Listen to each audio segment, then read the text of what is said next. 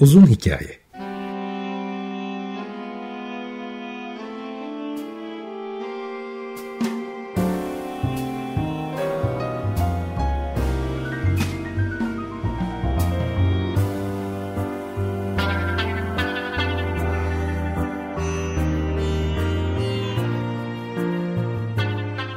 Hazırlayan ve sunan Muzaffer Çorlu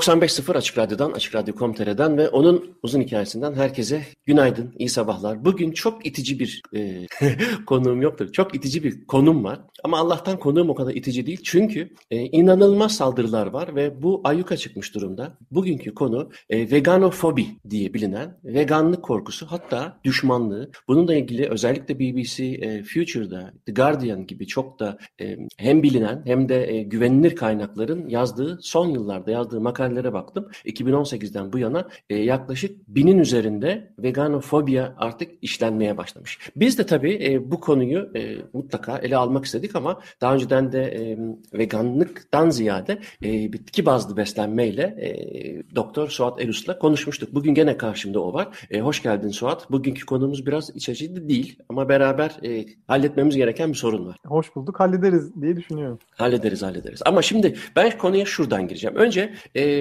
Türkiye'de durumu çok iyi bilmiyorum. Dolayısıyla ben Avrupa'yı temsil edeyim. E, sen de Türkiye'yi temsil et. E, benim konuştuklarım Avrupa'yı bağlarsın. Çünkü Türkiye'de e, e, çok fazla haber kaynağım yok. E, pek de e, okumuyorum. Bir iki tane takip ettiğim sıkı aktivist vegan dışında da ne olup bittiğini bilmiyorum. Ama e, burada neler olup bitiyor onlardan haberim var. Yeni de olsam e, hızlı vegan dünyasına hızlı girmiş birisi olarak e, beraber tartışalım. Ama ben, ben bugün kolay kolay giymediğim e, psikolog e, gömleğimi de giyeceğim. Çünkü e, bugünkü konunun merkezine ben kognitif dizonans diye bilinen e, bilişsel uyumsuzluktan da bahsederek seninle tartışmak istiyorum. Sen de zaten bir tıp doktorusun. Dolayısıyla e, işi biraz kapsayacağımızı düşünüyorum. Şimdi bu e, dedim ya Türkiye'de durum nasıl gerçekten bilmiyorum. İstersen sen kısaca e, seni zaten e, özellikle sosyal medyadan çok kişi tanıyor e, yaptığın programlarla ilgili olarak. Fakat e, şu bilgiyi verebilir misin? Türkiye'de de gerçekten e, vegan karşıtlığı e, artan bir e, trende mi sahip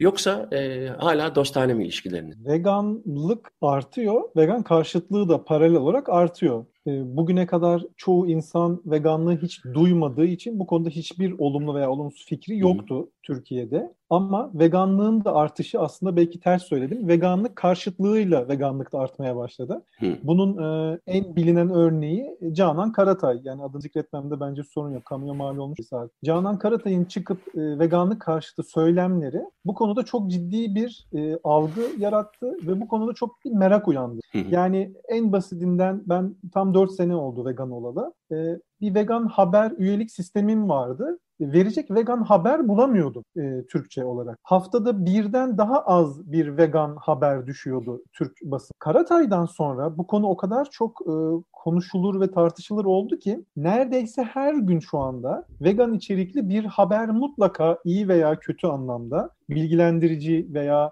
tam tersi e, kötüleyici. Her gün en az bir tane haber mutlaka çıkıyor Türk basınında da şu anda. Bir ünlünün haber olması olabilir, bir ünlünün vegan olması olabilir. E, vegan olan birisinin uluslararası yani yabancıda çocuğu elinden alındığı gibi garip haberler gibi geniş yelpazede inanılmaz haberler var. Ben bunu şuna bağlıyorum. Yani tabii bilinçlenen insanlar buna sıcak bakan, daha önceden bu konuya yaklaşan hayvansever olabilir e, veya işte sağlığıyla ilgili zaten kişisel beslenmeye geçmişler olabilir. Daha önceki e, eğilimleriyle bir noktaya gelmiş insanlar bence yavaş yavaş bugün vegan oluyorlar. Yani biz de şimdi 4 sene önce vegan olduk ama aslında tabii ki bir günde vegan olmamıza rağmen o süreç çok önceki yıllardan gelen süreç. Yani toparlamam gerekirse demek istediğim şu, e, veganlık artıyor, veganlık karşıtlığı da artıyor. Ha, bu karşıtlığın sebebi Türkiye'de biraz bu yani ulus yani bu global bir şey olduğunu düşünüyorum. Doğduğumuz andan itibaren bize hep öğretilenlerin yani önce tabii evde anne babamızdan, daha sonra işte ilkokul, ortaokulda, derslerde, daha sonra öğretmenlerimiz, arkadaş çevremiz, daha sonra işte dergi, gazete, televizyon yani her yerde bize hayvansalların sağlıklı olduğu, alınması gerek Yani bunlar öyle bir dayatılıyor dayatılıyor ki sonra biri çıkıp bir radyo programında et yemek zararlıdır deyince ya sen ne saçmalıyorsun sen ne bileceksin zaten deyip bu veganlar din olmuş bunlar falan deyip sinirleniyor. Çünkü bunca yıldır işte 40 yaşındaysa 40 yıldır ona söylenen sistematik bir yalan var ve yalanı söyleyen de buna inandığı için aslında yalan söylediğini farkında değil. Bu yüzden daha da inan. Bu sistematik yalana bir ya bir dakika aslında öyle değil deyince ya senin beynin iyi kanmış deniyor. İşte Et de yemediğin için neydi o hattı bahsettiğin kişinin programını sende gördüm. Ya daha doğrusu cevap hazırlamışsın. Canan Karatay. Canan, Canan Karatay da sen cevap verdiğin için biliyorum.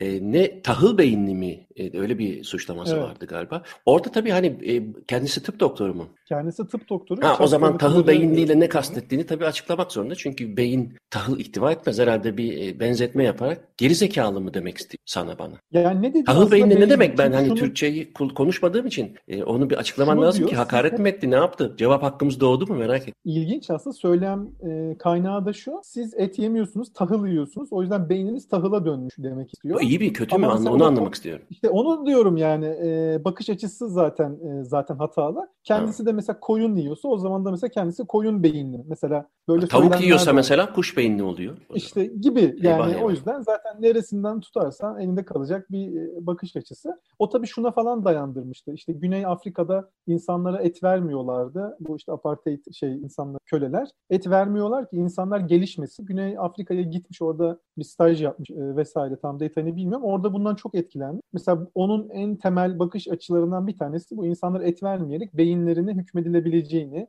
e, işte daha sürü psikolojisine yatkın olabileceklerini düşünüyor. Ama tabii ki bilimsel e, nitekim şu anda kendisi de artık zaten piyasa. Yani bu bu kişiyi e, ismini andığın için söylüyorum. Bu domine etti yani bu fikirler bir süre Türkiye'yi. Bu vegana fobi yani vegan karşıtlığı, vegan vegan korkusu ve nefretini tetikledi mi diyorsun o zaman Türkiye'de böyle bir şey mi oldu? Çünkü ben buradaki örneklere özellikle İngiltere'deki örneklere gireceğim ama o e, Türkiye'den de alalım mı? Evet sonunda. Türkiye'de kamuya yani vegan kelimesinin e, kamuya mal olması Karatay'la oldu. Yani tam başladığı günü ve anı röportajı hatırlamıyorum ama e, sürekli tabii şimdi bir de şöyle bir şey var. Biri e, sıra dışı bir şey söylediği zaman bütün gazeteler ona gidiyor. Veganlara karşısınız değil mi gibi bir soru yöneltiyor. O da her seferinde farklı bir bakış açısıyla kimilerinde hakaret seviyesine varacak e, seviyelerde e, açıklamalar yapıyor ve bu da ciddi bir kamuoyu yaratıyor. Sonra işte veganlar şöyle, veganlar böyle. Çok değişik şey oldu ama insanlar vegan kelimesini duydular. Çok yani normalde duyma ihtimali düşük olan insanlar işte diyelim ki 100 kişi duydu. Bu 100 kişinin belki 80'i Google'da arattı. Belki 40'ı e, bundan etkilendi. 20'si bunu mantıklı buldu ve belki de içinden 3 kişi vegan oldu. Yani ben olaya böyle bakıyorum. Yani ciddi anlamda insanların benim bile ulaşamayacağım, yani benim bile derken bu alanda içerik üreten birisi olarak veganlara ulaşmayı hedefleyen birisinin bile ulaşamayacağı miktarda kalabalık insanlara ulaşmış fikirli. Şimdi burada e, birçok şeyin atlandığını görüyorum. Mesela vegan deyince işte bunlar e, et yemiyor ya da işte şey bile bal bile yemiyor yok gibi böyle hani küçümsemeye eğilimli cümleler çok görüyorum. Onu geçelim. Evet veganlar öyledir yani yapacak bir şey yok. Ama e, aslında daha korkunç olan senaryo mesela e, insanların 80 milyarın üzerinde hayvanı her yıl e, öldürmesi yeme amacıyla. Kaldı ki işte bu yeni olan filmi ki sen de onu değerlendirdin çok da e, güzel değerlendirdiniz o konukla beraber kendi e, YouTube kanalında e, Seaspiracy filmini. E, ben de tabii hemen çıkar çıkmaz seyrettim. Sadece yanlışlıkla e, istenmeden başka balıkları avlarken sadece Fransa'da 10 bin Yunus'un telef olması bir cümlede geçiyor. Yani bu bunu insanları ki insan türcü bir varlık. Yani kendini bir halt sandığı için diğer ya 10 bin tane şey gidiyormuş ya Fransa'da yılda yanlışlıkla gibi bir cümleyi insana koysan şurada e, ne inanılmaz e, tepkiler alırsın ama türcü bir bakış açısıyla olmuyor. Fakat e, bu filmde de e, birazcık anlatıldığı üzere bunun arkasında çok büyük bir endüstri. Bunun arkasında e, ki, iklim krizinin e, ve iklim adaletsizliğinin e, ipuçları var. Yani bu sadece işte biz hayvan yiyoruz, yemiyoruz meselesi değil. Bu bir de e, 75 bin yıldır kognitif e, ürün veren insanın artık geldiği noktayla da ilgili biz kognitif ahlakın neresinde? Onu da sallamıyor, sallamıyoruz. O kadar indirgendi ki yok işte paketli et ürünü almamak gibi böyle çocuk çocuk işlere dönüştü. Yani gerçek hani bu meşhur resmin büyük resmi görmemek için insanlar elinden geleni yapıyor ki onu da birazdan gireceğiz kognitif yani bilişsel e, uyumsuzlukla. Fakat o kadar başarılı oldu ki bu şey e, biraz önce bahsettiğin e, propagandalar mesela dünyada e, kaç tane olduğuna ben seninle program yapmadan önce baktım. E, veganların e, ne kadar nefret edildiğiyle ilgili bir araştırma yapılmış. Bu yeni. E, The Guardian'da da yayın, yeni yayınlandı. Şimdi sana aşağıda e, dört tane e, özellik sayacağım. Bunlardan en çok, en az nefret edilenden en çok nefret edilene sıralamanı isteyeceğim. Eğer bu çalışmayı okumadıysan. Çünkü e, Hudson'ın yaptığı bir çalışma 2017'de yeni yayınlandı Psychology Today'de. Şu, aşağıdakilerden hangisi en iğrencidir? A. Göçmenler. B. Homoseksüeller. C. Ateistler. D. Veganlar. Bil bakalım bir numara kim? Ya veganlar olmasın lütfen.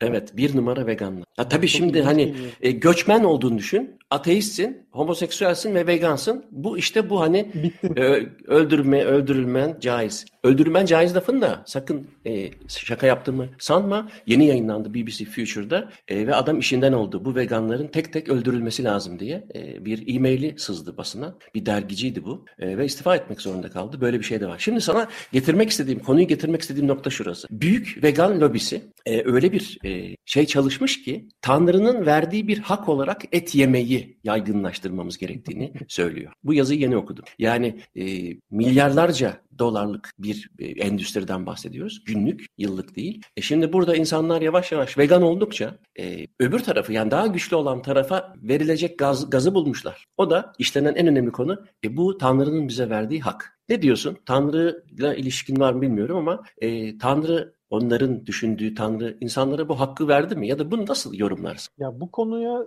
şöyle düşünüyorum. Ben aslında herkesin Tanrı diye tanımladığı şey aslında biraz farklı. Ee, hepimiz aslında çoğu insan tek Tanrı'ya inansa da tek bir Tanrı değil. Herkesin kafasında farklı bir Tanrı var. Ee, Herkesin Tanrısı tanrı kendine diye, yani.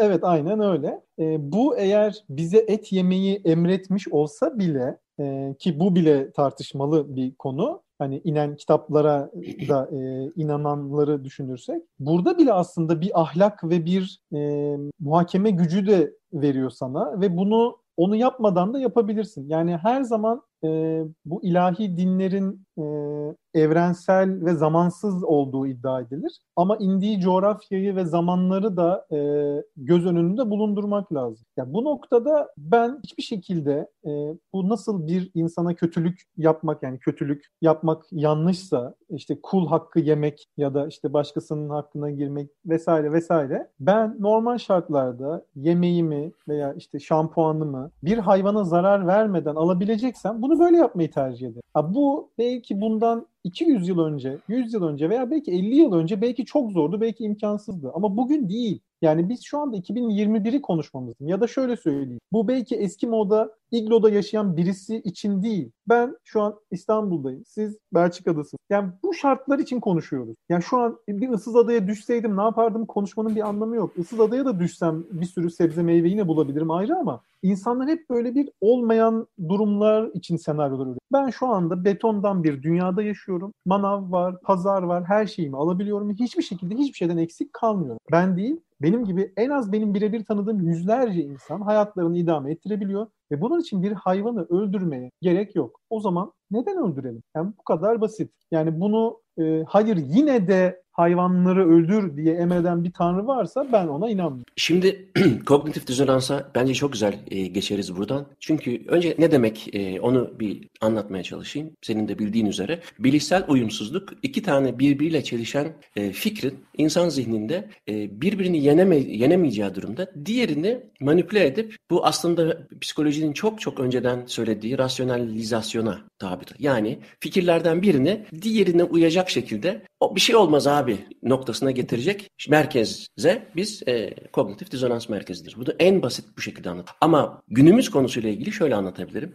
E, ay kuzum benim diye çocuğunu seven bir kadın e, olsun ya da erkek olsun fark etmez. Cinsiyetçilik yapmış gibi olmayayım. Herhangi bir kişi, kuzum benim diye çocuğunu seven herhangi bir kişi öğlenleyin pirzola yerken onun da başkasının ve gerçek anlamda tırnak içinde olmayan bir kuzu olduğunu ihmal edecek kadar geri zekalı olamaz. Pir, kuzu pirzola çok iyi abi, kekik mek dediği zaman biraz önce kuzum benim diye sevdiği çocuğun da o tabaktaki çocuktan farklı olmadığını biliyor. Olduğunu düşünelim ki biliyor. E şimdi dolayısıyla onu yememesi ve ona karşı çıkması gerekir. Bunu da öğrenmesine gerek yok çünkü zihni karşı çıkıyor zaten. Ben işte dedim ya programın başında o psikolog gömleğimi mutlaka giyeceğim e, ve onunla ilgili bir yorum yapacağım ama o zihin diyor ki ya bu yediğin de ana yüreği işte. O da annesinden alındı ki ne işkencelere tabi tutuldu. Şimdi bizim tabağımıza geldi diyor zaten. E ne yapacak bu kişi? O pirzolayı yemeyecek mi? Orada öyle bir çelişkiye giriyor ki bu sefer işte biz insanların e, zavallı beyni e, devreye giriyor ve diyor ki ya işte bunu yememek de bu zaten kesilmiş tamam bunu ben yesem ne olur? Ya bir kişiyle dünyayı mı kurtaracağız? Bırak Allah'ını seversen gibi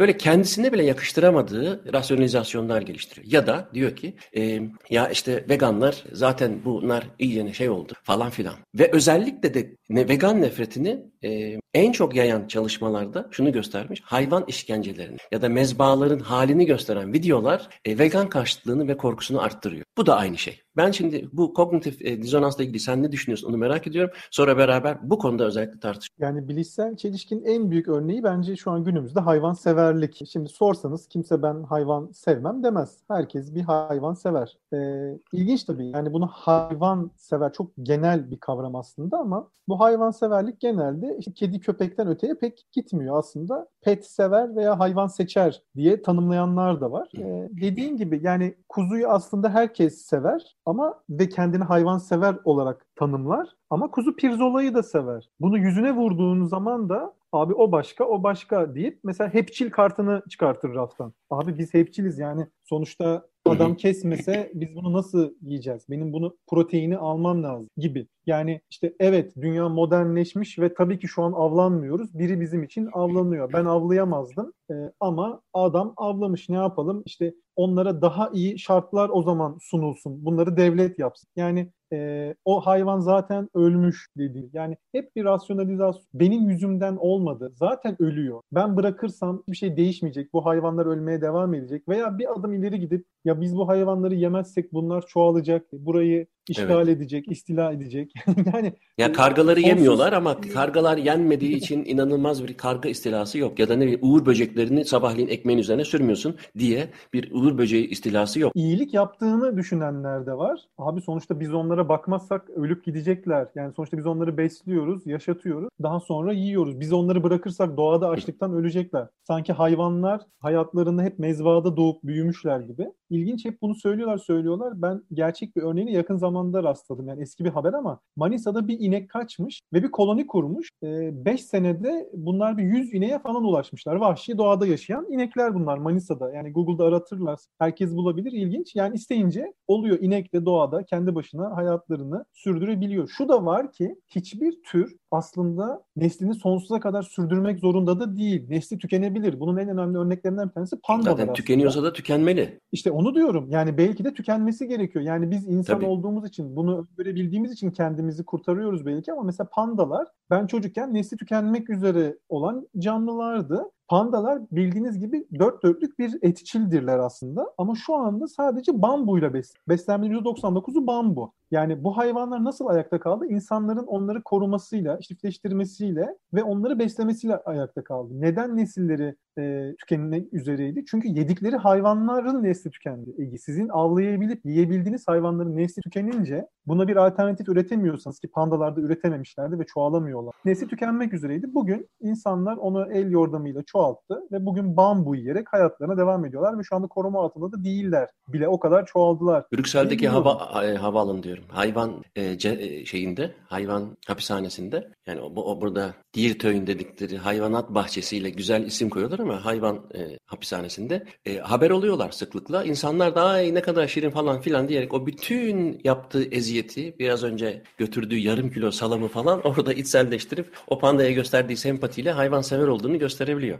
Ve o işe yarıyor gerçekten. İnsanların o rasyonalizasyonunda en güzel gollük pas o oradan geliyor. Bu pandalara sahip çıkıyor falan. Yani evet işte bir de iyilik yapıyormuş gibi gösteriyor. Biz olmasak onlar sıkıntıya düşecekmiş gibi. Yani bu da aslında komedi. İnsanın kendini yani diğer hayvanların kendisine onu muhtaç olduğunu sanması da çok ilginç bir yanılgı aslında. Yani bunlar çoğaltılabilir. Çok fazla bu konuda bilişsel çelişki var. İlk aklıma gelen, son aklıma gelen bir örnek de bir tane adam civcivleri ezdi diye para cezasına çarptırılmıştı. Dört tane civciv yavrusunu ezdi diye galiba Amerika'da. Şimdi düşününce e, her gün yani e, yumurta yiyelim diye milyonlarca erkek civciv çöpe atılıyor ve orada paramparça ediliyor ama adamın teki Kedi maması yapılıyor genelde. Kedi işte ya da maması. gibi işte civcivi ezdi diye para cezasına çarptırılıyor ve ciddi bir kamuoyu oluşuyor. Sen civcivi nasıl ezersin diye ama sonra gidip sucuklu yumurta da yiyebiliyor mesela. Tabii tabii. Ya da Norveç'te karşıdan karşıya geçen dört tane ördeği e, resim çekerler. Hemen böyle o viral olur özellikle Türkiye'de işte burası İsveç, Norveç falan diye.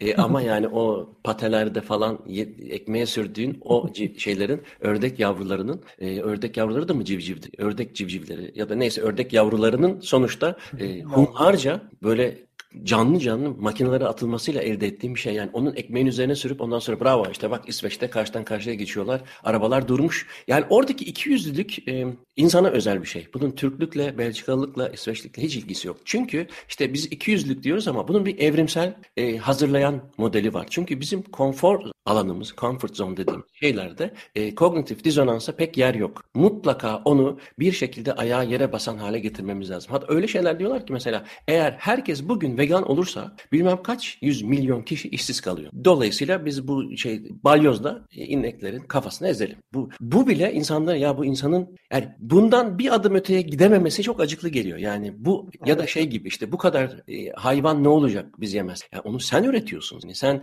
işkenceyle, tecavüzle o hayvanların hamile kalmasını sağlıyorsun. Yetmiyormuş gibi bir de çocuğunu elinden alıyorsun, sütünü sen alacaksın, çalacaksın diye. Yetmiyormuş gibi bütün ve bir gene psikolog olarak söylüyorum e, o her canlıdaki sinir sistemi olan her canlıdaki travmayı sallamıyorsun bile. O ineğin nasıl bağırdığını, yavrusundan koparılırken nasıl bağırdığını ve bunu eğer birisi bu Animal Leaks gibi sitelerde yani bu şeyleri kameraya alıp koyduysa da ya göstermeyin bize böyle şeyler diyor. Yani seyretmeye dayanamıyorsun ve bunu da e, o videoyu çekene yani veganlara e, atıyorsun. Onların suçu veriyor. Yani o e, çiftliğe gidip de bir e, şey yapmıyorsun. Ne bileyim. En azından ya bunu bir düşüneyim bir dakika. Çünkü e, veganlarla ilgili benim düşüncem şu. Ben ne kadar aktivistim bilmiyorum. Bir kendimi de aktivist olarak görmüyorum ama elimden geleni ardına ardıma koymayacağımı biliyorum. Fakat şu çalışmalara bakıyorum. Nasıl etkiler? Biliyor musun ki e, ilk başlar 1900 e, sanıyorum 90'lardan sonra ama 2017 çalışması bu e, BBC Future'dan aldım.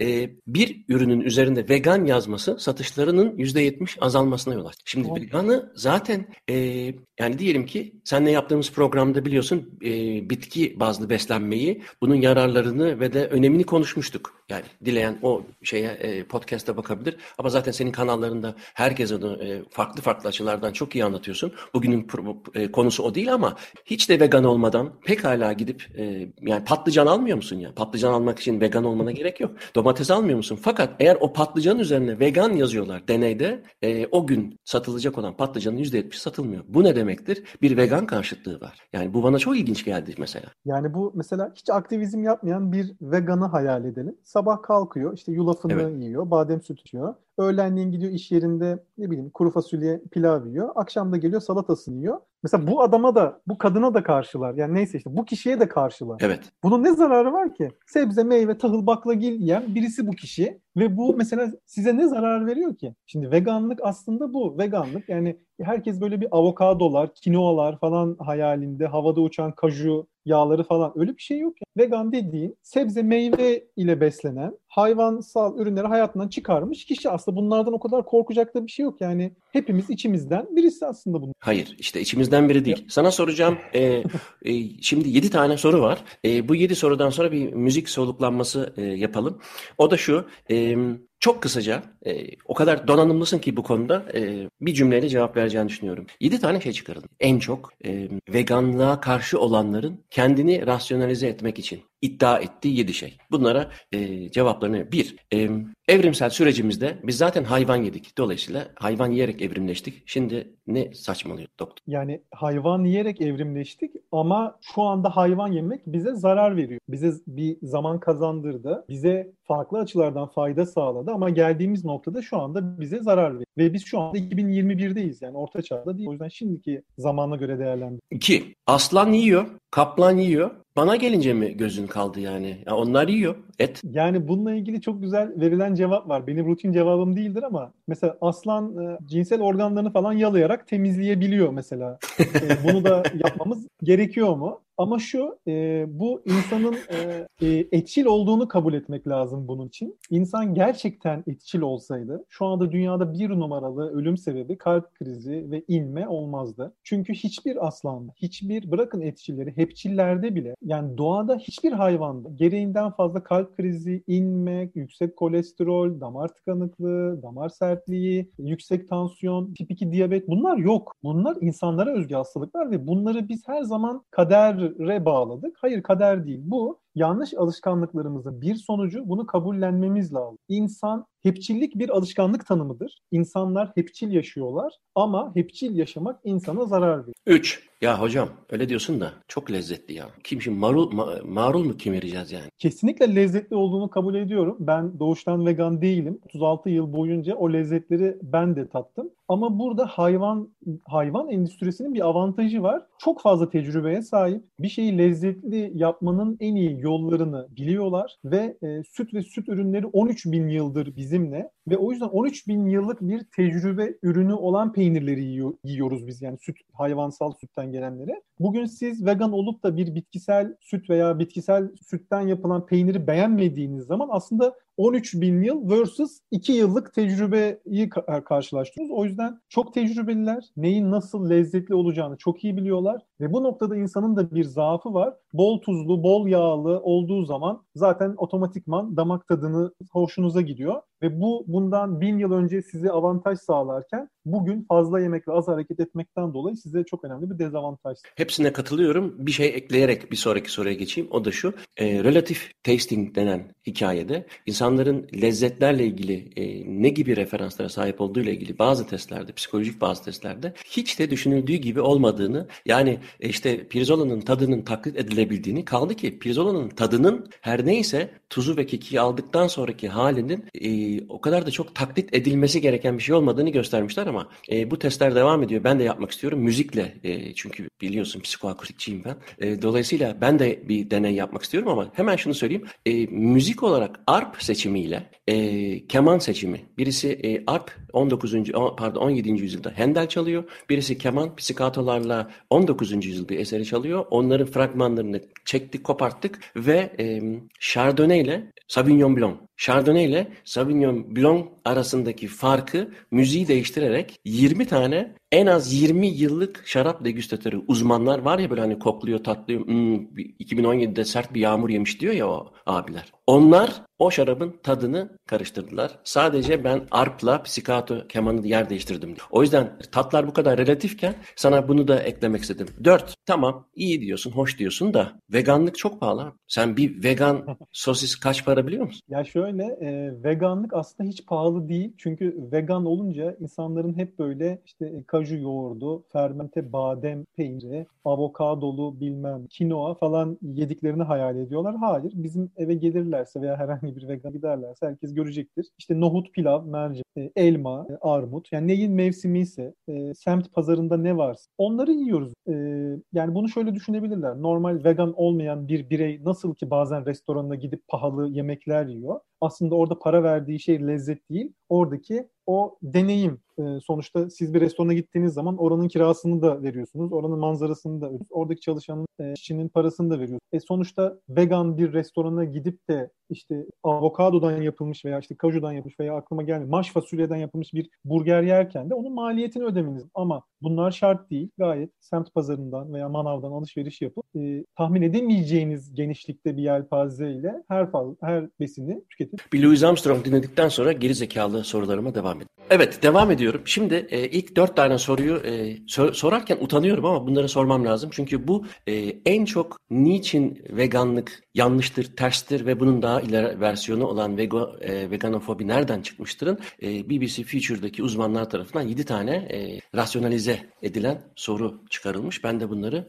Doktor Suat Eros'a söylüyorum, soruyorum. Herkes vegan olsa bu çiftlikte çalışanlar, bu endüstri, bu kadar işsizlik ne olacak yani? Bu siz yani başka hiçbir şey düşünmüyorsunuz dünyada. Her sorun bitti. Her leyleği gördünüz. Bir bunlar kaldı. Bu mu kaldı? Yani o kadar savaş yani, var yani vegan aşağı vegan yukarı. Şöyle vegan olmak aslında ilginç bir şekilde o hayvancılık sektöründe çalışan kişi için de önemli. E, bir kere tabii ki bir günde dünya vegan olamaz. Yani zaten öyle bir kimsenin planı da yok. Ama şu anda mesela yeni hayvan doğurtulması bile bıraksa yıllar içerisinde dünya vegan olabilir. Yeni bu insanlar yeni iş kollarına aktarılabilir. Yani bugün 2021 değil, 2010'da olmayan birçok meslek var. Şu 2030'da da şu anda olan birçok meslek kaybolacak. E, hayvancılık bence 2030'da olmasa da bir gün kaybolacak. kaybolacak. Bu yüzden e, yeni okullarda yeni bölümler, yeni iş kolları açılması zaten gerekiyor.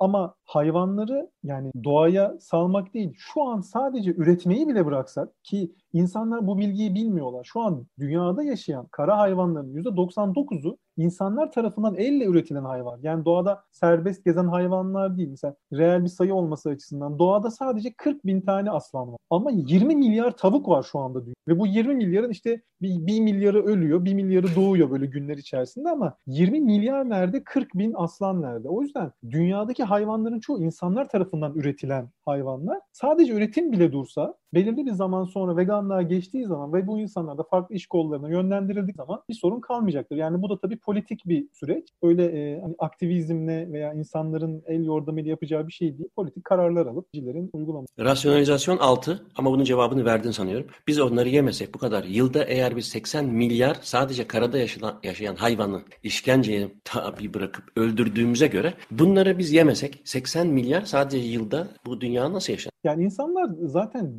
dünyayı gözlerinde canlandıramıyorlar. Yani sadece tatillerinde bir, bir iki ülkeye gitmiş ve e, mahallesi ve iş yeri dışındaki dünyayı görmemiş insanlar. Okyanuslarda trilyonlarca canlı var. Karalarda bugün hiç daha balta girmemiş ormanlarda milyarlarca tür yani hayvan deyince insanların aklına hep böyle aslan kaplan geliyor. Küçük böcekleri, havada uçan sinekleri de düşün. Milyonlarca bilmediğimiz, daha hiç karşılaşmadığımız türler var ve yani biz bugün bile hayvan üretimini durdursak aslında dünyadaki hayvanlara çok büyük fayda sağlamış olur. Biz şu anda hayvancılığa devam ederek belki istemeden de olsa hiç tanımadığımız türlerin yok olmasına da sebep oluyor. Bunu yakın zamanda Seaspiracy belgeselinde denizlerdeki örneğini gördük ama bu karalarda da böyle. Bugün Amazonlarda veya işte hiç balta girmemiş ormanlarda birçok tür yaşıyor ve biz sadece inek, tavuk, balık bunlar için aslında insanlar bunları bildiği için dünyadaki tüm hayvanları tanıdıklarını sanıyor. Ee, dediğim gibi sadece üretmeyi bile bıraksak belirli bir yıl sonrasında bu hayvanlara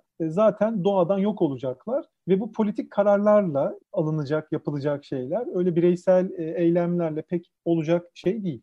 Son argümanda BBC Future'ın hazırladığı diyor ki 7. argümanda rasyonalizasyonda 3 kişi vegan oldu diye bir şey değişmez yani. Biz ne yapsak? Yani bize mi kaldı bu dünya diyor. 3 kişi miyiz hak? Yani bu aslında işte seçimlerde e, benim oyumla ne değişecek e, diyen zihniyetle aynı. E, aslında herkes kendi seçimlerinden tabii sorumlu ama burada biraz daha farklı olarak sizin seçimlerinizden bütün e, dünya sorumlu oluyor. Bütün dünyayı değer yani ilgilendiren hatta işte yakın çevrenizi, ilerleyen nesilleri, çocukların ve gezegeni ilgilendiren kararlara aslında imza atmış oluyor. Ve yine bir kişi ne kadar etki yapacak bunu şöyle anlatabiliriz. Yani bir tane hayvansal burger yemek için en az bir tane hayvanı öldürmeniz lazım. Yani ben 4 yıldır veganım işte eşimle birlikte. Yani bizim sayemizde birçok hayvan doğurtulmamış ve öldürülmemiş oldu. Ve siz bir kişi olabilirsiniz ama etkilediğiniz belki 10-20 kişi ve onların içerisinde vegan olanlar ve onların da yine etkilediği kişiler aslında dalga gibi büyüyecek ki ben şu anda gözümle şahit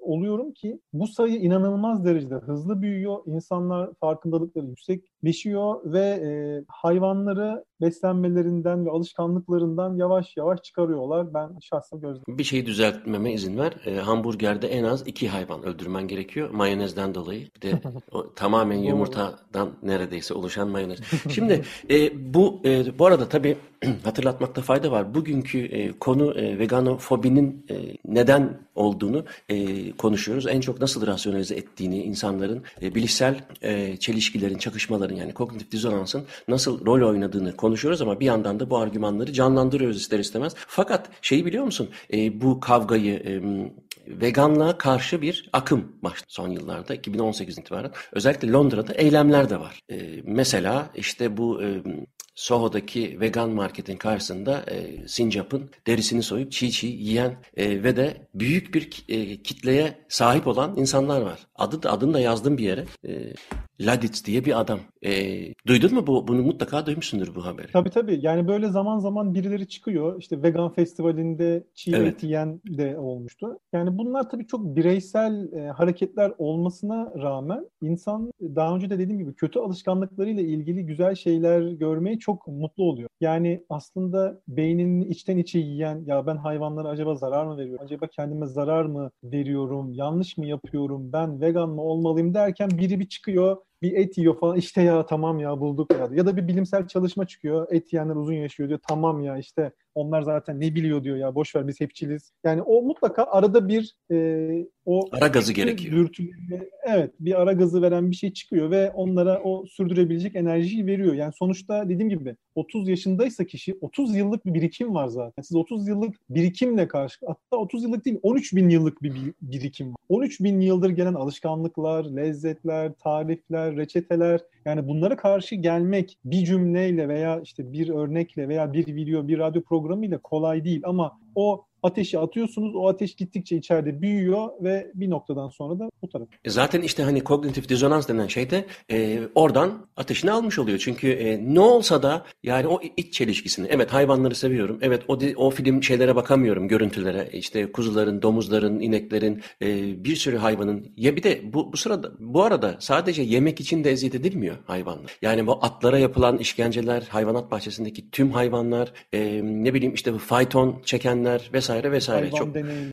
hayvan deneyleri ki yani o kadar bu konuda hassas olan ülkelerden birisinde yaşıyorum ben ve şu anda onu protesto ediyoruz gerçekten de e, bayağı bir e, sıkı, sıkılaştırmaya çalışıyoruz. Hayvan deneylerinde epey işkence var Belçika'da. Alenen var. Yani o kadar etik komisyonlarına rağmen e, gene de e, zurnanın zırt dediği yerler e, saymakla bit. Fakat e, insanların bana şey soruyorlar. E, belki sana da bana psikolog olduğum için sana da tıp doktoru olduğun için soruyorlardır belki. Onu da tartışalım. Bu internette bizim önümüze düşen hayvan işkencelerinin olduğu videolara ben bakamıyorum. Ben paylaşmıyorum. Benim paylaşmama sebebim şu. Tabii ki ben de bakamıyorum. Yani bir hayvanın, kuzunun işkencesine benim e, bakamamam e, da kendimi suçlu hisset diyorum. Çünkü insan olduğum için ama e, ben ona şu anda tabii ben de yıllarca mangal yapmış birisi olarak şimdi yeni veganım diye böyle bütün yükü sırtımdan atmış değilim ama e, kendimi şimdi daha fazla suçlu hissetmiyorum. Ne yaparsam kardır diye bakıyorum. Fakat sen nasıl görüyorsun? İnsanların bunu seyretmesi mi lazım? Seyretmememiz lazım. E, bu burada böyle bir cinayet var. Sen bakmadığın için o olmuyor değil tabii. Ama kognitif dizonans diyor ki bakma karşı ol. İyi tamam da bunu çoluk çocuk izliyor diye itiraz edebilecek bir e, şey buluyor. Kendine dayanak buluyor. Çünkü kognitif dizonans en önemli sosyal psikolojik parametre onaylanma ihtiyacı. Yani ya bizim Ömer abi de seyretmiş. Yani olacak iş değil abi bu bunu kapatın bunu ya. Çocuk var, çoluk var falan diye. Aslında kızdığı şey içe dönüp ya onun sebebi sensin ile karşılaşmak istemeyişi. Sen nasıl görüyorsun? Ya işte bir e, ünlü bir söz vardı. Kimin olduğunu unuttum. Mezbahaların duvarları camdan olsaydı hiç kimse e, et yemezdi evet. diye. Yani bu çok doğru bir söz. E, bu noktada da yani aslında buna bakış açım biraz farklı. Şöyle o görüntüler kimi insanı vegan yapıyor, kimi insanı da tamamen soğutuyor bu fikirden. E, bu kişisel tecrübeyle ve işte geçmiş yaşantıdaki alışkanlıklarla bence çok e, orantılı. Şimdi ben tabii birebirde de çok aktivizm yaptığım için yani en azından işte konuşuyorum. Aa sen vegan mısın? Niye? İşte sürekli başlıyor o sorgulama. Bazı insanlar o videolardan hiç etkilenmiyor hiç umrunda olmuyor. Ya ne var ya bu zaten bizim ülkede bile değil diyor. Onu kendince rasyonalize ediyor. Kimisi ya böyle miydi gerçekten inanılmaz diyor ve aslında o fitil ateşlenmiş oluyor o kişide. O yüzden yani bu gösterilmeli mi gösterilmemeli mi sorusunun cevabı bence bireysel olarak verilmeli. Bu işte o videoyu gösterecek kişi yani mesela bunu sokakta bence gösterilmemeli. Çünkü sokakta göstermek yani kamulaştırdığınız zaman e, insanlar mesela anlamıyorlar. Yani ben hiçbir zaman o Cube of Truth eylemlerinde bulunmadım. Ee, yani uygulayıcı olarak bulunmadım ama dışarıdan gözlemledim. Mesela şunu diyen de var. Aa siz hayvanlara yapılan kötü muameleyi protesto ediyorsunuz değil mi? Daha insancıl şekillerde kesilsinler değil mi diyorsunuz. Yani anlatmak istediğinizde karşı tarafa gidemiyor olabiliyor bazen bu eylem. Bu yüzden bunu daha e, işte kişiselleştirerek kullanmak lazım. Yani ondan etkileneceğini düşündüğünüz insana göstermek bence daha mantıklı olabilir. Bir de bunların Türkiye'de olmadığını sananlar var. Bunların Türkiye'de olan çekilenleri de var bu arada. E, değişen hiçbir şey yok. Yani 10 tane hayvana belki iyi davranıyor. 11. bir tane tekme atıp öbür tarafa geçiriyor mesela işte yürü bakayım falan diye. Yani çok çirkin görüntüler var. Yani belki en masum olanını söyledim. Ama e, bu bence dozunda ve etki edebileceğine inandığınız kişilerde kullanılabilir. Çünkü olan şey bu. Yani bunu daha basit anlatmak mümkün değil. Bazı insanlar hala hayvanları eceliyle ölünce yediğimizi falan sanıyor. İneklerin doğumdan ölüme kadar süt verdiğini falan sanıyor. Böyle kırlarda koşuyor arada geliyor hadi benim sütümü al dedi falan sanıyor. Çünkü bize doğduğumuz andan itibaren hep böyle gösteriyor. Oysa böyle değil ve bunu bir şekilde karşı tarafa anlatmamız lazım ve eğer ikna olacaklarsa bence bu görüntüleri de göstermek gerekir. Bu arada şeyi hatırlatmama da izin ver. Bitki bazlı beslenmeyle ilgili ve bunun sağlıkla olan ilişkisini e, tıp doktoru Suat Eros'un YouTube sitesinde sütünden peynirine çok ikna edici e, ve çok bilimsel çalışmalarla anlatıldığını hatırlatmak istiyorum. Çünkü bana da çok yardımcı oldu. Bir sürü konuyu ben senden öğreniyorum. Dedim ya senin programında 50 yıllık yoğurdu yiyemez hale getirmiştin beni. Ama gerçekten de e, ben e, bütün o journal'lara girip e, kontrol ediyorum. Dolayısıyla çok e, takdir ediyorum yaptıklarını. Ama bugün dediğim gibi işin ahlaki tarafını konuşurken insanlardaki bilişsel e, çakışmadan ötürü nasıl rasyonalize ettiklerini hem bir tıp doktoru olarak ya daha doğrusu iki vegan konuşuruz ama bu da şeye benzemesin tabii. Hani Türkiye'de kadın sorunlarını erkekler konuşuyor ya. Şimdi bizde bu bir vegan sorunu olduğu için ikimizin konuşması normal ama e, başka programlarda vegan karşıtı bulursam onu da çıkaracağım. Programdan sonra ne yaparım bilmiyorum ama e, hani söz hakkı vermek için. Fakat şeyi söylemek istiyorum. Benim bir fikrim var. Buna veganların çok kızacağından eminim. Bunu da ilk kez açıklıyorum. O da şu.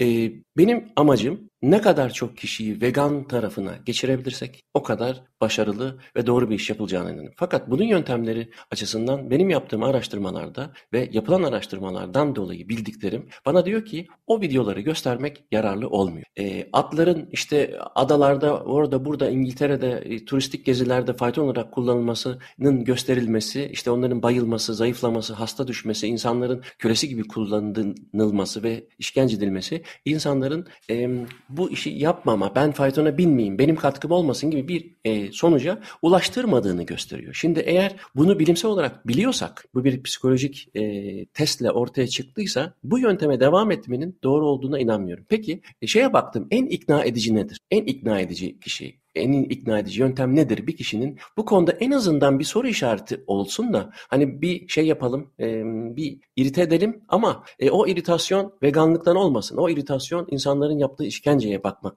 yönünde olsun. Benim düşündüğüm şey şu, e, bununla ilgili çalışmalar isteyen varsa da atarım. Ben de e, hala araştırıyorum. O da şimdi insanlar hayvanlara işkence edebilir e, ve buna hukuken hakları var. Dünya böyle bir dünya. Yani hukuken hayvan öldürmek suç değil mezbahadaysa. Fakat yani et yiyebilirsin. Ama ben diyorum ki biliyorum bana şimdi bir, bir sürü vegan neler yazacak. Linç edilmeyi göze alarak söylüyorum. Yiyin. Azaltamaz mısın mesela? O videoları da göstermeyelim. Tamam. E, o yapılan işkenceyi. Fakat bu hafta yiyeceğin 5 tane hayvan ürününden iki tanesinden feragat da mı edemem? Bu hem senin kognitif, bilişsel e, çakışmana engel olacak. Ben de bir şey yapıyorum. Tamam. Eskiden e, yılda 50 kere mangal yapıyordum. Şimdi 5 kere yapıyorum. Tamam. Bu da bir adımdır. Bu da takdir edilir demek istiyorum. Biliyorum bu ne kadar zor bir şey. E, söz, kullandığım cümlenin ağzımdan çıkanı kulağım duyuyor. Fakat yapılan araştırmalar diyor ki bu yöntem diğerinden kann. Daha başarılı olur uzun vadede. Dolayısıyla o resimlerle, o videolarla irite ettiğin kişi e, inadına gidip hamburger yiyip ya sen mi kurtaracaksın dünya gibi, dünyayı gibi rasyonizasyona giriyor. Sen ne düşünüyorsun? Sen istersen linçi sen başlat. Sonra ben sosyal medyadan devam ederim. Yo şimdi iki, e, iki ayrı parçası var. Sırayla gideyim. E, bir kere veganlar arasında da bu konu çok tartışılıyor. Yani ben de kendi yakın vegan arkadaşlarımız arasında tartışıyoruz ve hani beş kişi tartışıyorsa beş ayrı fikir var. Yani bu noktada tam bir fikir birliği zaten yok. E, o kötü görüntüleri göstermekten başlayayım. Kötü görüntüleri göstermenin ben de şahsen yanlış olduğunu genel anlamda topluluğa göstermenin yanlış olduğunu. Çünkü o aslında şu mesajı da veriyor. Yani sen hayvanlara iyi davranırsan onları öldürebilirsin gibi bir mesaj da gibi. Çünkü orada hep uç ve kötü örnekler var. Yani işte mesela e, aslında bu konu biraz şeye doğru gidiyor. Refahçılık ve azaltmacılık. İlki refahçılık, ikincisi azaltmacılık.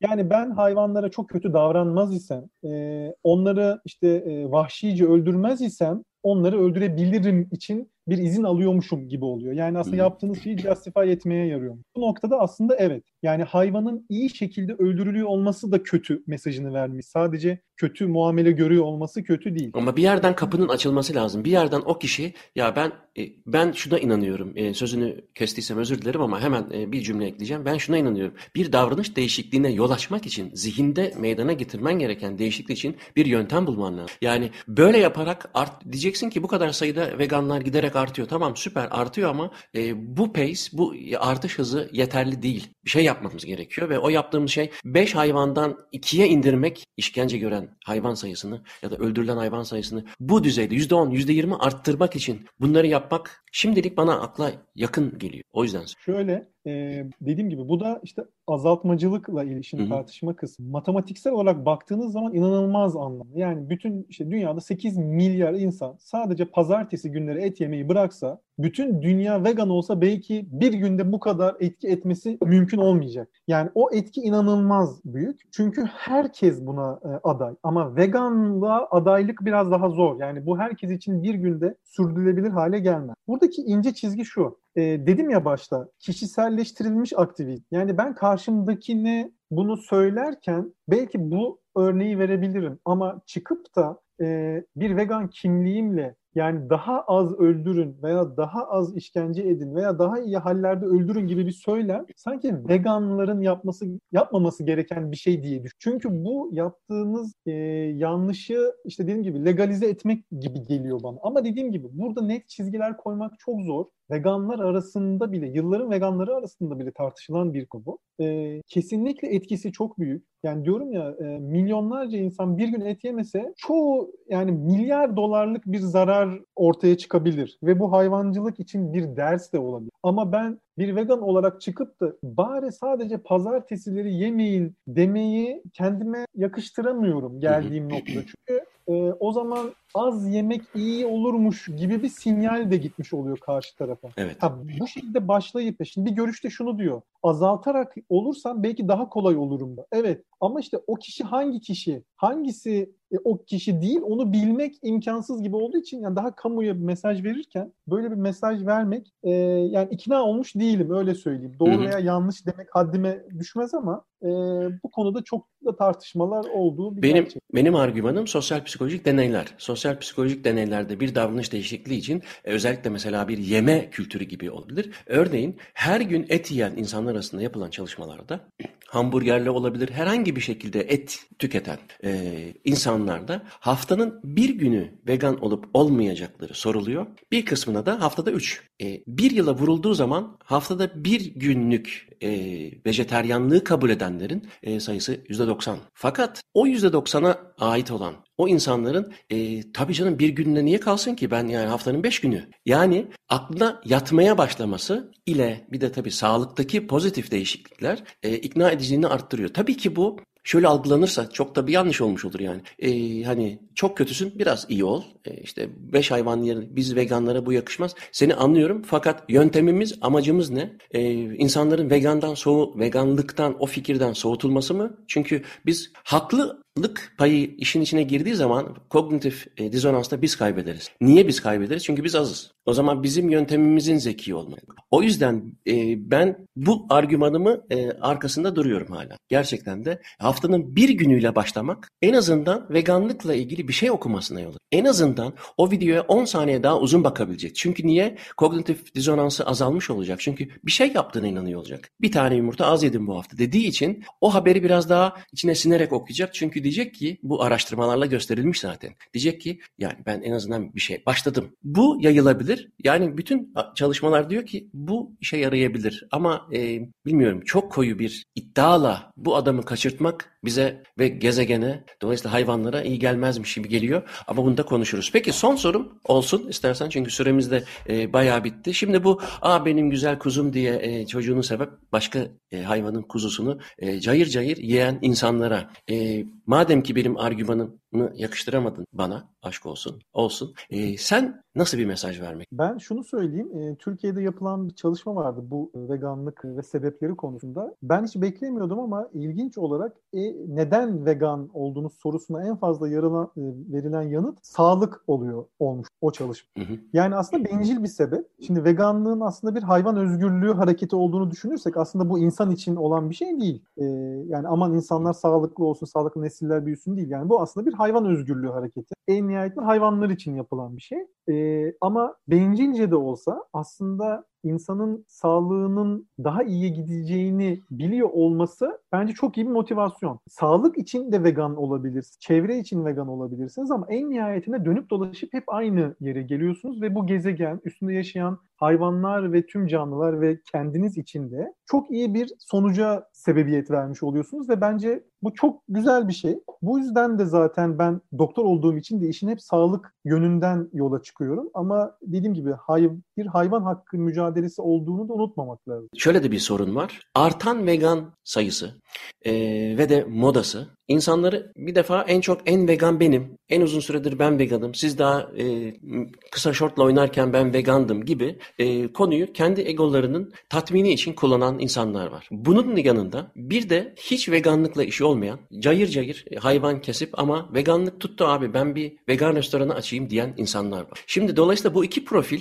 bu benim kognitif e, dizonans dediğim olayı o kadar güzel yemliyor ki yani rasyonize etmek için bu mu yani veganlar? Birisi egosu şişmiş, öbürsü bu işte iyi para var, var diyen iki insan. Bunlara bakıp zaten vegan olacağı varsa da olmamak için çok haklı iki sebep sunuyor. Ne diyorsun? Gerçekten bu iş tuttu. Bu vegan restoranları mesela Brüksel'de vegan kasap var. Yani ben tanımak için e, bir baktım falan filan. Ben karşıyım ya. Niye ni, vegan kasap niye olsun ya? Yani e, yani biz sucuk yiyemiyoruz, vegan sucuk yiyelim. Bu e, yerine koyma işi e, işte bu gibi fırsatçılara, ego fırsatçılarına ve e, para fırsatçılarına e, bence büyük bir kapı açıyor. Yanılıyor muyum? Ne düşünüyorsun? Yani e, öyle. Ben tabii başlarda biraz daha iyimser ve hani pragmatik yaklaşıyordum. Sonuçta hani veganlık duyuluyor, işte fazla insan bilgi ediniyor, öğreniyor diye ama e, bundan haksız çıkar sağlamaya yani aslında en nihayetinde dediğim gibi olay aslında hayvanlar. Bu hayvanlar için yapılan bir şey. Yani ben insanları benim sağlığım iyi olsun diye vegan yapmaya çalışmıyorum. İnsanlar iyi olsun ki ben daha fazla vegan seçenek bulabileyim diye değil. Bu hayvanlar için olan bir şey en nihayet. Tabii ki artıları da var ama e, benim için. Ama bunu kötü niyetle yapıldığı zaman ben onların destek görmesi beni rahatsız ediyor vicdanen. E, ve e, bu da bir düştüğüm ikilemlerden bir tanesi. Yani e, iyi işte en azından veganlık duyuluyor, işte haber oluyor, reklam oluyor, işte orada burada çıkıyor gibi mi düşünmeliyiz? Yoksa belki bundan 10 yıl sonra çok daha e, yani ekonomik anlamda bir sektör olacak ki şimdi bile ufak ufak olmaya başladı. Yani ben bugün biliyorum ki Türkiye'nin en büyük vegan peynir üreticilerinden bir tanesinin gelirinin %99'u hayvansal peynirlerden geliyor. Şimdi onları yani desteklemezsem belki o sektörümü baltalayacağım. E, onları desteklersem aslında onların yeni hayvan almalarına mı para sağlıyor olacağım? Yani böyle deli sorular. Bunlar tabii netleşmiş şeyler değil. E, ama samimiyetsizlik ve e, hani hayvanlar için olmayan şeyleri bence toplum yavaş yavaş ayıklamalı. Bunların farkına varmalı diye düşünüyorum. Ama bir yandan da istemem yan cebime durumu duyurulmasını e, ve insanın bilinçlenmesine de az da olsa katkıları olduğunu biliyoruz. Şu anda o yüzden şey yok. İyi buna da bir parantez açmış olduk. Yani diyorsun ki o videolara bakmak istemiyorsanız o gerçeği değiştirmeniz gerekiyor. Gözünüzü o videodan çekerek o gerçeği engellemiş olmuyorsun. O hayvanların kesilmesini, işkence görmesini istemiyorsanız bir şey yapın diyorsun. Ve böyle de diyorsun ki böylece bitirelim programı. Peki çok teşekkür ederim Suat. Hakikaten e, senle yaptığımız e, üçüncü program bu. E, umuyorum insanları e, bir parça düşündürebiliriz. Çünkü gerçekten e, o Seaspiracy gibi filmler e, bazı gerçekleri söylüyor ama e, tamam çocuklardan e, uzak tutun vahşet, şiddeti ama o videolara bakın. O videoların müsebbibi biziz. Dolayısıyla Suat'la da bunu biraz konuşmaya çalıştık. Kognitif dizonans yani e, bilişsel e, çelişkinin bizi nerelere götürebileceğini de bugün ele almış olduk ve böylece programı tamamlamış olduk. Bana ulaşmak için Muzaffer Coğlu Gmail adresine yazabilirsiniz. Programın e, tekrarı YouTube kanalımda ya da e, Açık Radyo'nun Spotify sitesinde yer alacak. Haftaya görüşürüz. Hepinize günaydın.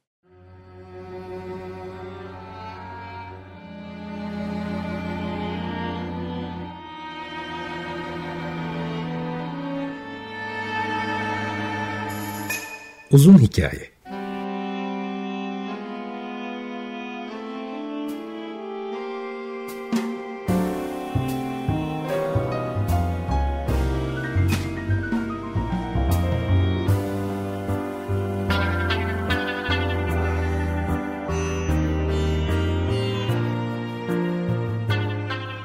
Hazırlayan ve sunan Muzaffer Çorlu.